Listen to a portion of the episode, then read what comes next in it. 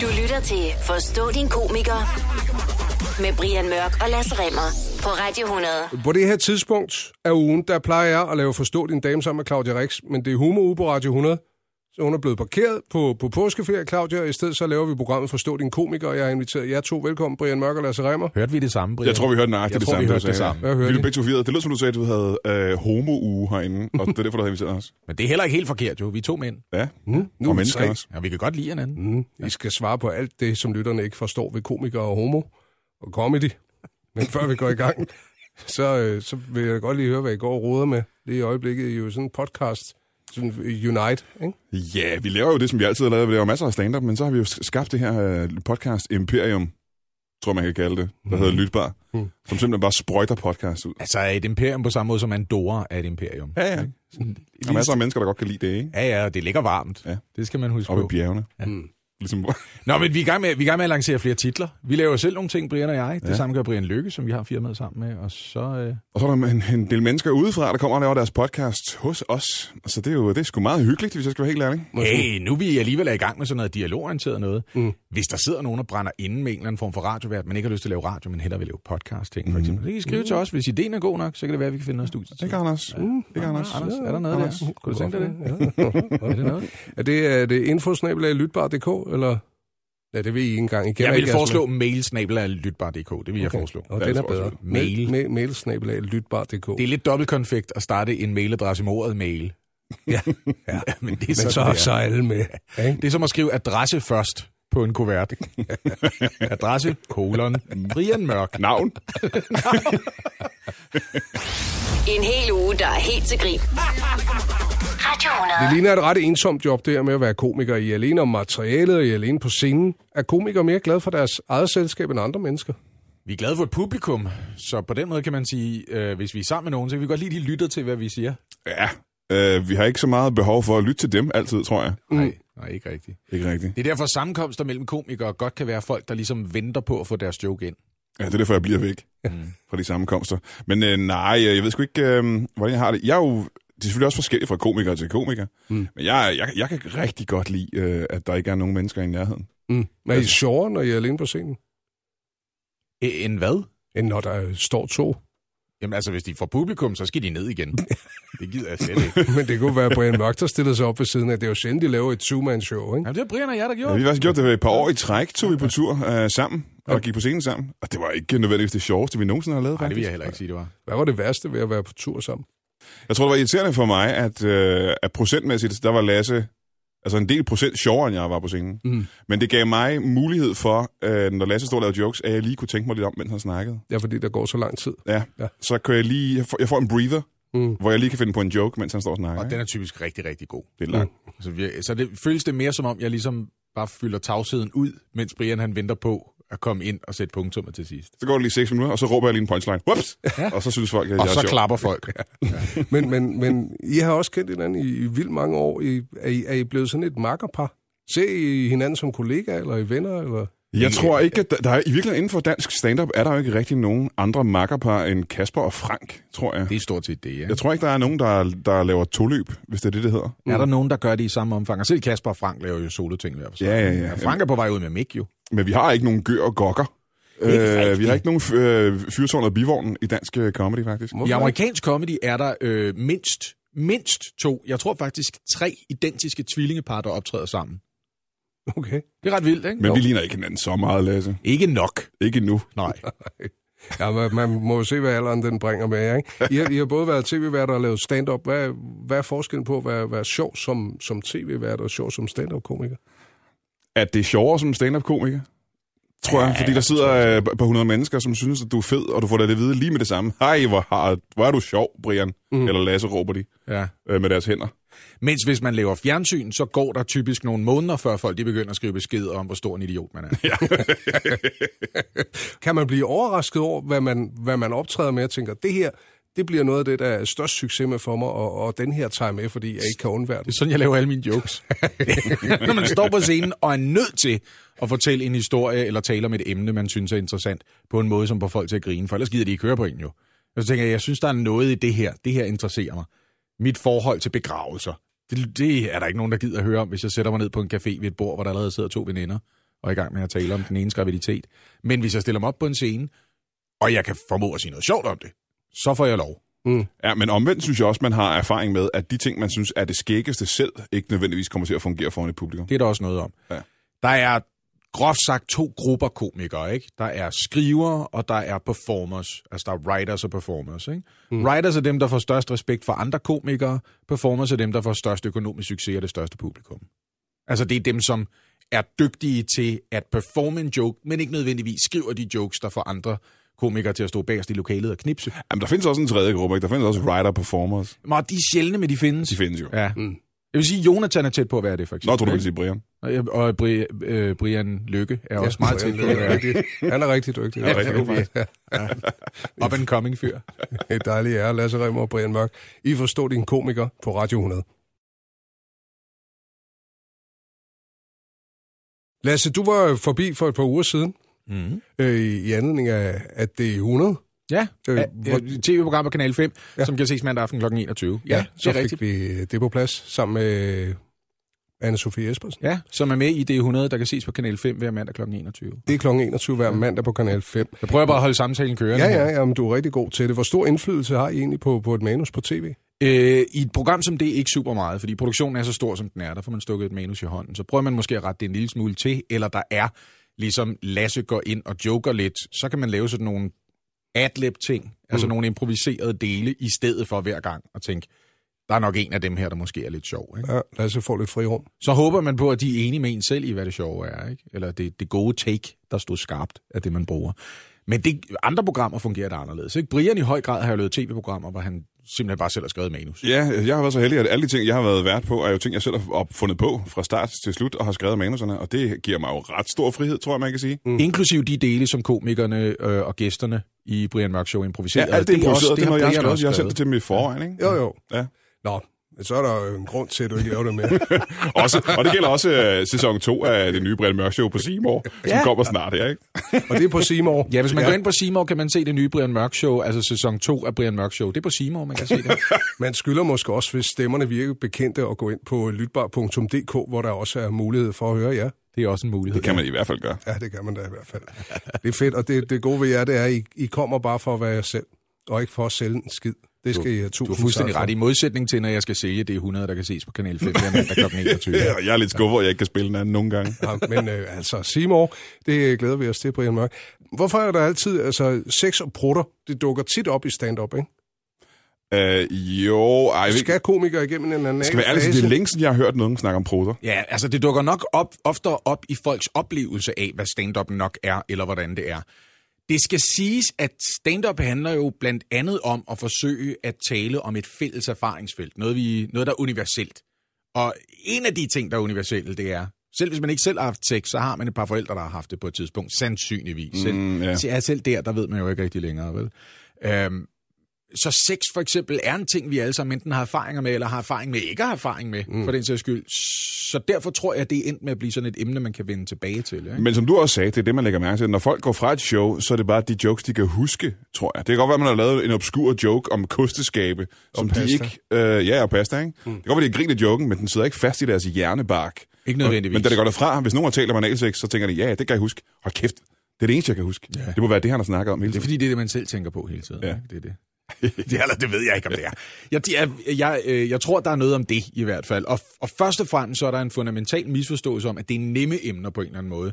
Men det er lidt det samme som at sige, at alle andre mennesker, der ser stand-up, har en dårligere smag eller en plattere humor, end jeg selv har. Det er ikke nemt at få folk til at grine af jokes om sex, og det ved folk, der er ret nye på stand-up-scenen. For de går op og tror, det her, det her, de billige point ligger. Og det er ikke rigtigt tilfældet med mindre publikum af efterskoleelever. Der er faktisk også en anden ting, og det er, at øh, mange af dem, der kritiserer stand for at være øh, ikke andet end, øh, end sex jokes og øh, porno og patter, Ja. øh, når de sidder i et stand publikum, så griner de også af de jokes. Ja. Det gør de faktisk. Ja.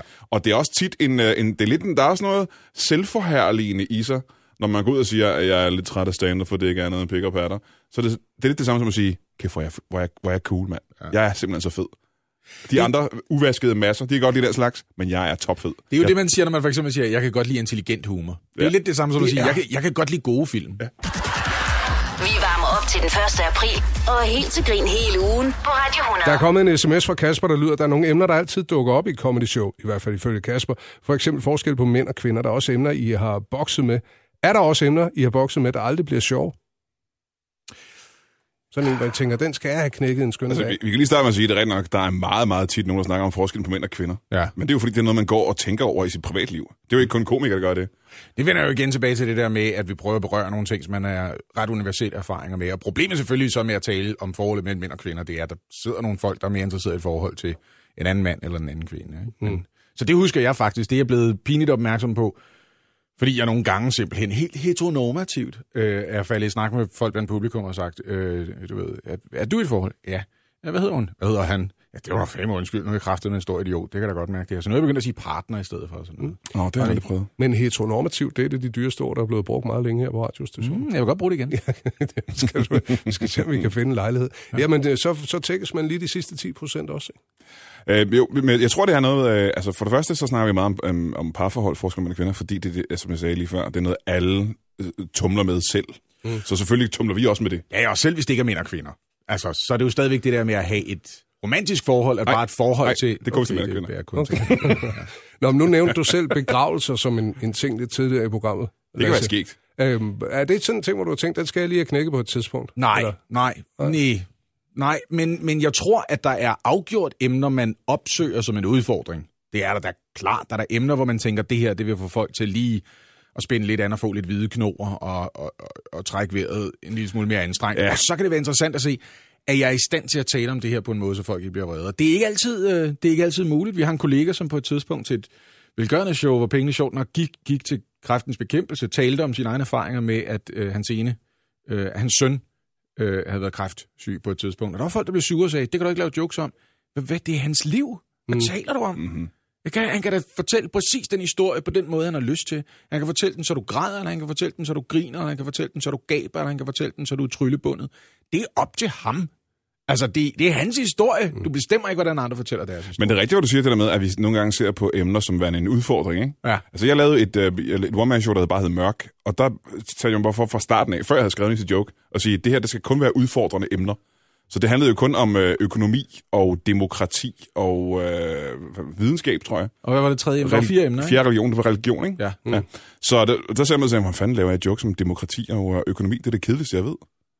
Øhm, og, men det kan man godt. Mm. Altså, hvis man prøver, ikke? Også man er bedre end mig, for jeg kunne ikke.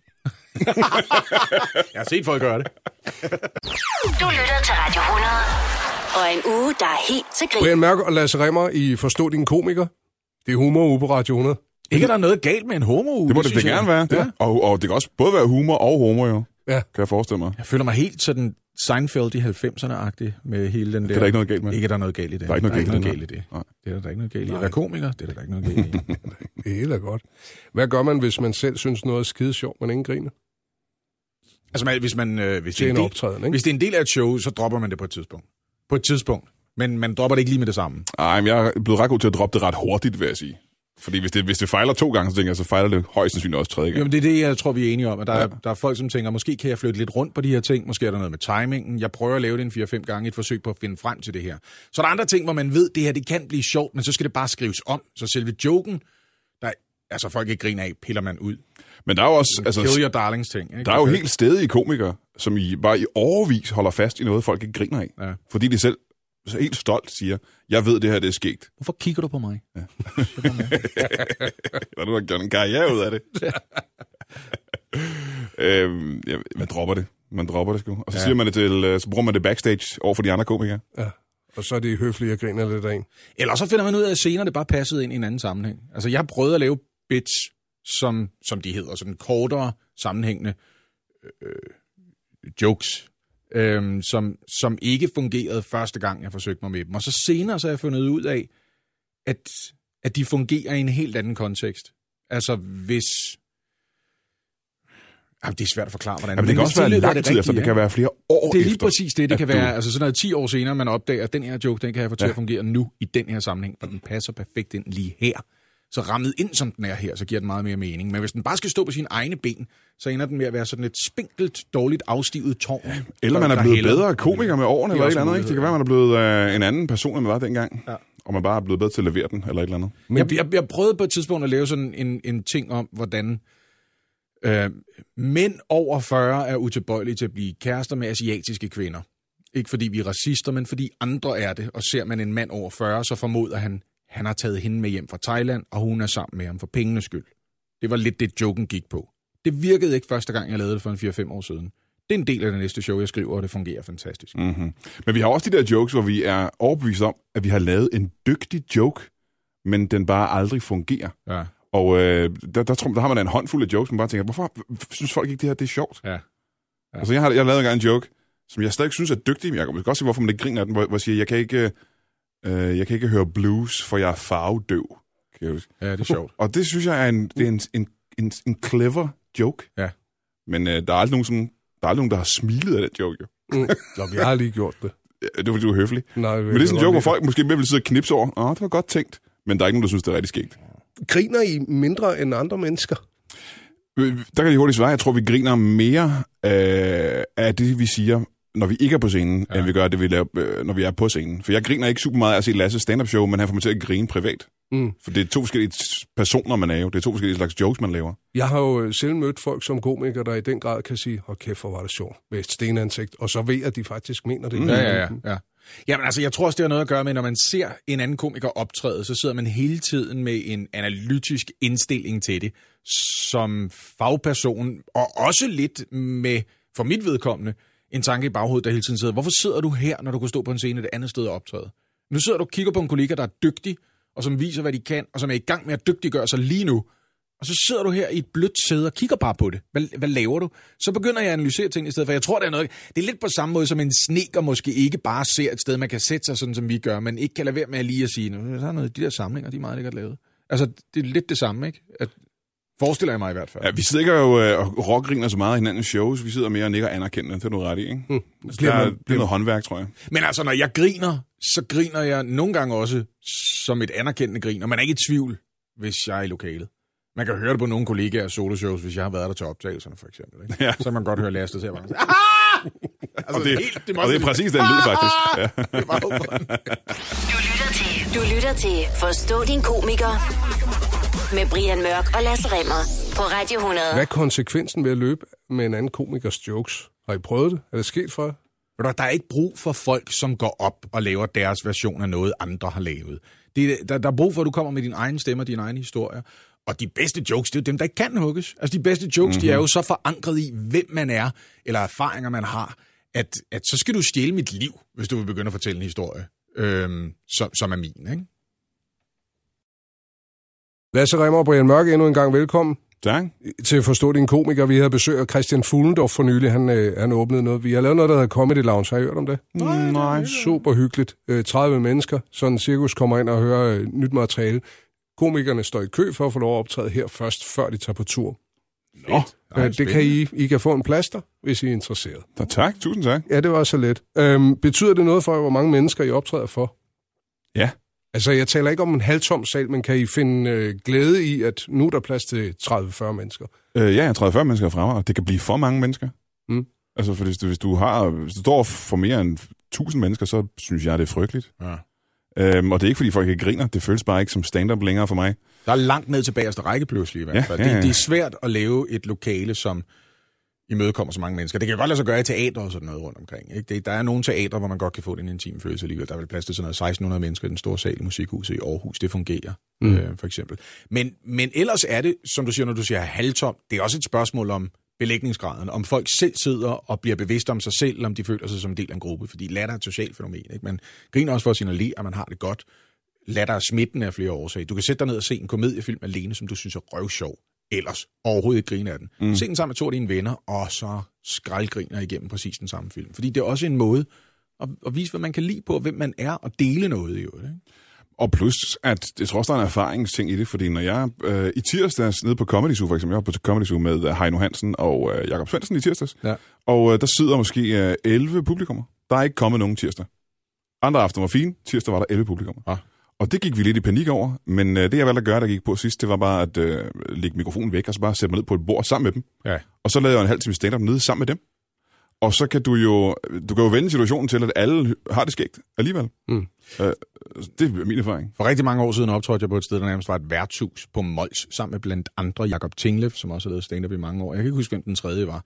Og det virkede som sådan lidt en panisk reaktion fra en mand, der havde købt et værtshus, og ikke rigtig kunne trække nogle mennesker en eller anden årsag. Det var et sted, hvor man sad på slidte hestesædet op ved baren, for eksempel, ikke? og hamrede op på en, på en bæl og sådan noget. Og så har han brugt pengene på at få os helt derud til en lille flække på Mols, hvor folk typisk ellers måske ville prøve at overtale nogen til at køre dem til Randers eller Aarhus for at gå i byen. Ikke?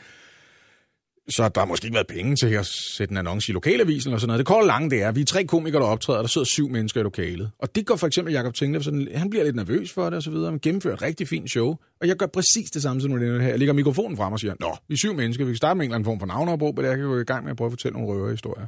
Og det ender med at blive rigtig, rigtig fint. Ja, ja, ja. Du nævnte Kulcaféen lige før. I gamle dage, Michael Wulf, der var en af øh, fyren, der i dag er halvdelen af Wolf Morgenthaler. Øh, der, var, øh, der var en af de bærende kræfter, da Kulcaféen startede. Han havde det princip, at er der et eneste menneske, så går vi på. Fordi det handler ikke om publikum, det handler om, at du skal huske at stille dig op og forholde dig til den situation, du står i, uanset hvad. Du kan ikke ende med at blive forkælet og sige, at der skal sidde 1200 feststemte mennesker, der tænker, at det her det bliver den sjoveste aften nogensinde. Og så går du ind og leverer varen, og så bærer det derud i kongestol eller dronningstol. Det er lidt det, ikke? Fordi nogle gange så bliver det jo for nemt ja. som komiker, ikke? At man bare går ind, og så tænker man, det her, det ved jeg bliver fremragende. Ja. Øh, der, sidder, der sidder 120 mennesker. De, de er i godt humør. Øh, jeg, jeg kører ret godt. Jeg har gode jokes. Det her, det kan ikke fejle. Og så udfordrer man jo ikke sig selv overhovedet. Nej. Man bliver ikke Man bliver klogere det. på, hvad der virker og hvad der ikke virker Nej, i sådan en lejlighed i hvert fald. Fordi folk har en tilbøjelighed til at grine af ting, som et andet publikum måske ville være mere kritise- kritiserende overfor. Ja. En hel uge, der er helt til grin. Radio 100. Hvornår føler I jer rigtig inspireret til at være sjov? Det spørger Camilla om. Det kan jeg nemt svare på. Mm. Det gør jeg faktisk, hvis jeg har set nogle andre være rigtig sjove. Enig. Det er det. Hvis jeg har siddet nede øh, øh, på Comedy Zoo backstage, og jeg kan se på den lille skærm, vi har backstage, at Lasse for eksempel står på scenen, og han har øh, nogle jokes, som jeg aldrig nogensinde har hørt før, og folk griner, så sidder jeg og tænker, ved du hvad, jeg skal fucking hjem og skrive jokes lige nu. Så brænder man, men det, det sidder ens fingre for at lave jokes. Øhm, og det er det eneste tidspunkt, jeg føler mig inspireret. Det er, når han ser mig optræde. Jeg ved ikke, om du fik det ud af historien. Jo. Det der, øh, det er også årsagen til, at hvis jeg ser et stand-up solo-show på Netflix for eksempel, så ser jeg det ikke øh, fra ende til anden. Altså jeg stopper sådan noget. Hver eneste gang, der kommer en bit, hvor jeg tænker, det er fandme, det er fandme godt det der. Det er rigtig godt, det her. Altså hvis det er et godt show. Mm. Hvis det er et dårligt show, så ser jeg 12 minutter, så ser jeg ikke resten. Men man får følelsen af, at man, man, er, man er vred over, at man ikke har lavet de jokes selv, og så får man den der sådan, uh, ild, der brænder indeni, som Ja. ja. siger, at uh, jeg kan godt. Ja. Jeg kan sagtens skrive et stand-up show, og den ild har man i uh, 6-7 minutter, ikke? Så mm. man gælder om at, det gælder om at få den brugt. Ja, der skal sættes ild til noget løv der. Ja. Det mest irriterende er, hvis man ser nogen tage en præmis, en idé, man har haft på et mm, tidspunkt, og lykkes med den. Altså, hvor man hvor det går op for en. Jeg, jeg havde den tanke, og det lykkedes mig ikke at modne den. Jeg er nødt til at tage mig sammen nu. Så må jeg kigge på, hvilke tanker jeg ikke er blevet færdig med endnu, inden andre også løber med dem. Når man ser, jeg har oplevet både Jonathan Spang og Louis C.K. lave ting, hvor jeg tænker, jeg havde den idé, og du forløser den perfekt. Hvorfor kom du først? Men det behøver det ikke engang at være. Det kan også bare være en joke, hvor man tænker, det der, det kunne jeg godt have fundet på. Også det. Ja. Sådan Det der lyder som noget, jeg kunne have fundet på. Columbus jokes, ja. Ja. hvor man tænker, at ah, hvis jeg virkelig havde... Øh, ja. Kan der også gå skadefro i den, hvor jeg tænker, at det var godt nok dårligt eksekveret?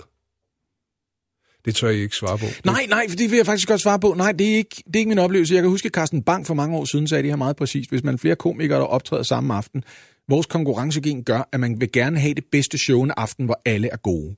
Eller alle er måske endda deres bedste. Der vil man gerne være den bedste af de bedste. Ja. Der er ingen, der har lyst til, længere i hvert fald, sådan var det måske lidt de første 3-4 år, jeg optrådte, der var folk så panisk bange for, at de ikke trådte ud, at der var et par stykker, der havde sådan en oplevelse af, hvis jeg har et godt show, så er det endnu bedre, hvis de andre var lort, fordi så kan folk se, Ja, ja, ja. jeg kan noget, ingen andre kan. Men jeg har altid været med Carsten, jeg har altid haft det sådan, hvis vi kan lave en awesome aften, hvor alle har et stærkt show, og der så sidder bare nogen blandt publikum og tænker, ah, det er Lasse. Han- Det var sgu alligevel. Jeg må sgu også sige, jeg har aldrig nogensinde siddet i et baglokale, hvor nogen har frydet sig over, at nogen har haft et dårligt show. Det er altid... Øh, man, har, man har ondt af dem, ikke? Man har helt hul i maven af ubehag over, at det går dårligt for Så er dem. det sjovt at fortælle historierne bagefter. Ja, ja. Ja, ja, vi fortæller hinanden historier om virkelig dårlige shows, vi har haft, og også nogle gange om virkelig dårlige shows, andre har haft. Mm. Ja. Når det kommer lidt på afstand, så er det okay. Ja, ja. Er, er, I, er, I, er I store nok til, at, at folk kommer hen og siger til jer, Brian, det var, det, var, det var fint forsøgt det der, men hvis jeg var dig, så ville jeg skulle prøve at tage den den her vej. Må man godt give kritik, når det ikke bliver efterspurgt? Ja, det tror jeg godt, man må, hvis det er nogen, man kender. Eller mm. hvis det er nogle yngre komikere, man kan give et faderligt råd. Men der er ikke nogen, der kommer hen til mig og siger, det skal du lave anderledes, det der. Ja, det er der ikke nogen grund til. Jo. Ja, man kan godt komme hen med nogle, man kan godt komme hen med nogle idéer til, hey, der er måske en pointe, du har overset Ja, ja, for. Hvad med ja. det her? Eller du kunne tage den her joke i den her retning. Sådan som Brian sagde før, du ved, hvis man ser nogen lave noget, hvor man tænker, det der, det er heller noget, jeg godt kunne have fundet på, eller jeg, jeg, så kan man jo i det mindste gøre det her. Man, man, kan, man kan lige gå ind og kile sig selv ind i en sammenhæng, så man bagefter kan sidde og se Christian Fuglendorf og tænke, ja, ja, kan du lide det der? Det tror jeg, han er lidt for mig. Ja, men vi har det faktisk også, øh, det går den anden vej, hvor man kan sige, at vi er i en branche, hvor, hvor det ikke, du har svært ved at lykkes i branchen, hvis du ikke er en good guy. Mm. Fordi det er så lille en branche, at hvis du, er, hvis du har et røvhul i dig, så har du bare svært ved at bryde igennem, fordi at vi skal jo alle sammen være gode venner. Man skal være virkelig dygtig for at have en rådden personlighed. Ja, det skal man Ja, og hvis man har en rådden personlighed, og man er virkelig dygtig, så kan man alligevel ende med at være nødt til for eksempel at forlade Danmark og begynde at optræde i England i stedet for. Vi varmer op til den 1. april og er helt til grin hele ugen på Radio 100. Hvad er det mest desperate, I har kastet i år, bare for at finde på inspiration til jokes? Jeg blev gift og fik børn, Ja. tror jeg, hvilket virker øh, ret desperat. øh, og det er nok også noget af det, der har givet mig mest materiale nogensinde. Øh, så jeg ved ikke, jeg ved ikke, hvor bevidst det var, dengang jeg fik børn og blev gift, men det har det i hvert fald øh, bagefter været utrolig givende, Ja. vil jeg sige. Jeg har ikke- Desperat handling lige frem. Ja, det var da ret desperat. Er det ikke altid desperat, når man bliver gift og får børn? Eller føles det bare sådan bagefter? Der er nogen, der vil kalde det en del af cyklus, men Jeg har, jeg har aldrig nogensinde gjort noget, fordi jeg tænkte, øh, jeg vil ikke have gjort det her, men det kan være, der er en joke i det. Det har jeg aldrig nogensinde gjort. gør jeg sgu heller ikke. Nej. Øh, men det er også fordi, vi kaster os... Det vi, de fleste af os gør jo, er jo at finde ting omkring os i den verden, vi går i i forvejen. Ja. Øhm, vi skal jo opdage det, der er sket i hverdagen, og i det, vi ser i aviserne og alt det der, ikke? Øh, hvis du skal ud og begynde at lave drageflyvning, for du tænker, måske er der jokes i drageflyvning, Ja. så føles det desperat, det vil jeg give det ret i. Ja. Men det er der jo ikke. Altså, skulle jeg kaste mig ud i homosex, fordi jeg tænkte, der må der fandme være fem gode minutter i. Det tror jeg ikke, jeg har planer om. Altså, nu findes det homoer, men jeg gider ikke at gøre det. nej, nej, nej det var Ikke for en joke i hvert fald. Ikke så skulle det være for, så skulle det være for lydelsen. Ikke? Det skulle være derfor. Det skulle være, fordi det var... Fordi det var top Ja, til, ja, ikke? ja. Og meget, meget liderligt. Når I nogensinde til, at I tænker, for helvede, jeg, jeg er brændt ud, nu, nu har jeg simpelthen tabt alt, hvad der hedder det sidste sjove ben i min krop. Hvis man har lavet to virkelig dårlige shows i træk, det sker sjældent. Ja. Altså ikke mindst statistisk set. Men hvis man har lavet et dårligt show og tænkt, "Nå, men jeg nailer den næste gang, og næste gang også sådan en oplevelse, hvor man tænker, hvad fanden var det der? Der kan jeg sagtens have en tre dage, hvor jeg sidder og tænker, jeg skal aldrig nogensinde opleve. Ja, ja, ja. Og det, Det behøver er ikke engang være dårlige, jo, uh, dårlige jobs. Det kan bare være et job, som tænkte, det var ikke så fedt, som jeg gerne ville have, det var. Der er en rigtig dygtig britisk komiker, der hedder Sarah Millican, som har... Det kan man, hvis man synes, at, at comedy er sjovt at nørde med, og ikke noget, man bare gerne vil grine af fra en publikumsrække, det kan man google sig frem til. Hun har lavet en lang række ret gode råd til arbejdende og nyere komikere. Og en af de ting, hun selv stærkt prøver at overholde, det er, at hun har sådan en... Øh, øh, øh, hun har sådan en, jeg tror, hun kalder det The 12 O'Clock Rule, som siger, hvis du har haft et virkelig godt show eller et virkelig dårligt show, så kan du enten, altså du har lov til at glæde dig over det, eller være helt nede over det indtil klokken 12 næste dag. Og så må du ikke længere klynke eller juble, fordi nu er det bag dig. Det kan godt være, at det var det bedste show, du nogensinde har lavet, ved du hvad? Så kan du rende rundt og føle dig som dronningen af verden indtil klokken 12 i morgen, og ved du hvad? Så er du på linje med alle de andre igen, og starter du forfra. Men det samme gælder den modsatte vej. Du har ikke lov til at ynke dig selv, du har ikke lov til at være trist over det. Det prøver hun sådan ret strikt at overholde. Ja, det er meget, meget For ikke at blive hængende i dønnet, ikke? Det er et godt råd. Jeg synes, øh, som oftest er det, hvis man har haft et, et det, vi kalder et firmajob, hvor man er ude og optræde for et eller andet smedefirmas ja. julefrokost, og det ikke er gået særlig godt, og man går derfra. Øh, det er ikke klubjobs, fordi klubjobs plejer at skulle være, det er jo fremragende, ikke? Jeg har optrådt lige i nærheden af, hvor vi sidder og laver radio lige nu til en julefrokost, hvor de starter med at fortælle mig, at en navngiven komiker fra vores miljø var der sidste år, og det havde været helt af helvede til. Og så tænker jeg, hvorfor hyrer I så en til? Ja, ja. Og jeg har virkelig heller ikke et godt job. Altså, jeg har virkelig sådan en optræden, hvor jeg tænker, det, det er ikke det her, I skal have overhovedet. I skal have nogen, der får jer til at rejse jer op, og så- I skal have en eller anden, der underviser jer i dans, eller sådan noget. Ikke? Mm. Fordi I er stort set kun mænd, og det virker ikke som om, I har lyst til at arbejde sammen heller. Det virker ikke som om, det var et godt arbejdsmiljø, siger jeg lige om stedet her.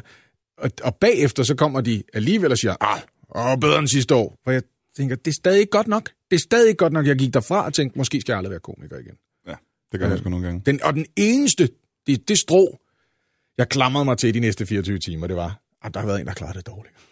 Der har været en, der var dårlig. Og det var ham. Ja, det var ham. Og det var ham, så det er okay. Og det er en, jeg godt kan lide, som er ret god. Så, Det var mig. nej, nej, det var det faktisk ikke. Og Omar. Du lytter til, du lytter til Forstå din komiker med Brian Mørk og Lasse Remmer på Radio 100. Er der nogensinde kommet ballade ud af, at I har lavet jokes om andre? Øh, om andre, det synes jeg ikke. Jeg, jeg har fået en enkelt dødstrussel. Ja. engang. Jeg er blevet Øh, truet øh, med tæske Søren Pind. Ja. Ja. Af Søren Pind. Nej, ikke rigtigt. Han sagde bare, at han så en sketch, jeg havde skrevet, og så sad han og så den i fjernsynet, og så tænkte jeg, ja, han har lyst til at vappe mig et par på hovedet. Men så besindede han sig, og Ja. synes han var det bedre menneske for ikke at gøre det. Løftede på hatten og gik videre Ja, det tror jeg. i sin færd. Ja. Jeg kom en gang til at lave en joke, som, joke om hestehaler, der fik en fyr til at true med at slå mine børn ihjel med en økse. Hvilket var en meget rimelig reaktion. Hvad er det for en historie? Jeg tror bare, jeg skrev noget i retning af, hver eneste gang, jeg ser en voksen mand med en hestehale, så ville jeg ønske, at jeg var gået hjemmefra med en saks i hånden. Altså noget af den stil, ikke? Det var gay. Det må man ikke. Det. Nej. Jeg tror, at jeg er simultant med det, fordi jeg godt var klar over, at der er nogen, der har følt sig sådan lidt jagtet, måske som 14-15-årige, og så tager det enormt personligt. De har måske gået på en skole et eller andet sted, hvor der er nogle idiot-bullies, der rent faktisk har altså, klippet deres hår af, eller sådan noget, og sagt, hvad er det for en homo? øh, for-" Hvilket jo ikke var min intention. Det var bare, hold nu op med man-buns og så videre. Men det var bare, bare en tanke. Og efterfølgende skrev jeg også, hver eneste gang, jeg ser en mand, øh, hver eneste gang, jeg ser en mand uden hestehale, så ville jeg ønske, at jeg var gået hjemmefra med en klipperen i hånden. Altså, det var lidt, lidt den samme joke, men det tog han enormt personligt. Så skrev han så, ja, vil du synes, det var sjovt, at hvis hver eneste gang, jeg tænker på dine børn, så vil jeg, skulle jeg komme forbi med en økse eller sådan noget. Ja, det var det. Ja. Oh, ja, det får man en del af. Men det er jo igen de sociale medier. Fordi jeg kan huske, jeg har, skrevet, jeg har snakket en del om, øh, om vacciner, at man skal huske at få sine børn vaccineret. Mm. Øh, og der har jeg fået mere end én gang fået nogen, der har skrevet, øh, øh, jeg håber, at dine børn får en dødelig sygdom, så du kan mærke, hvordan... Jeg vil sige, Brian, og det, det er ikke så tit, man, man, man er ærlig med det, men du, jeg har øh, ingen planer om at, at unfriende dig på Facebook, men, men jeg har snuset dig et par gange i 30 dage, fordi jeg tænkte, nu bliver det for meget, hvis jeg har været inde og, og like. Det, det kan virkelig tage om sig. Og det var ikke på grund af mig, der var der dem, der, der svarede tilbage. Ja, det synes, det blev lidt vildt. Åh, oh, tak for det. Der har været nogle tråde, der er gået amok. Ja, der har været nogle tråde, der har været ret vilde. Nogle gange har jeg bare hygget mig med at sidde og trække had over en, inden jeg tråden midt om natten. er det her stadigvæk forstå din komiker, eller er det bare forstå dine to midalderne mænd, der nogle gange synes, det er lidt sjovt at trolle Nej, mennesker, det de er kender? komikere, der bliver drevet af deres... Øh, øh, du ved... Drifter, skulle jeg sige, men det var ikke det, jeg mente. Nej, nej, nej. Øh, moralsk overligning. Tak for det. Ja. Ja, præcis. og lyst til at prikke lidt, der hvor man ved, det går ondt. Man er nødt til at prikke, for ellers vil ændre verden sig ikke til bedre. Læg mærke til for eksempel, at der var ikke... Altså, folk synes, at man var sådan lidt... Måske religiøs, moralsk fanatiker, hvis man i et par år talte om det sære i, at vi har en specifik lovparagraf, der forbyder, at man omskærer piger, men ikke drenge. Mm-hmm. Og det virkede sådan lidt, hvad er det for noget fanatisk noget? Er det ikke bare, fordi du hader jøder eller muslimer eller sådan noget? Og for ikke så mange uger siden, øh, der bruger sine Molde 12 minutter i quizzen på pretty much at sige det samme, og også gøre det ret sjovt. Øh, og pludselig er det lidt mere salonfade, og det sgu meget godt sagt, det der. Det er meget fint. Ja. Nu, Også folk, fordi- nu er folk enige lige. Nu sad hun også så selvfølgelig sammen med Pelle Dragsted, og var det Christian Jensen eller sådan noget, så to yderpoler i dansk politik, som begge to også hyggede sig lidt med, og synes, at det er også åndssvagt, at man kommer og klippe en tidsmand.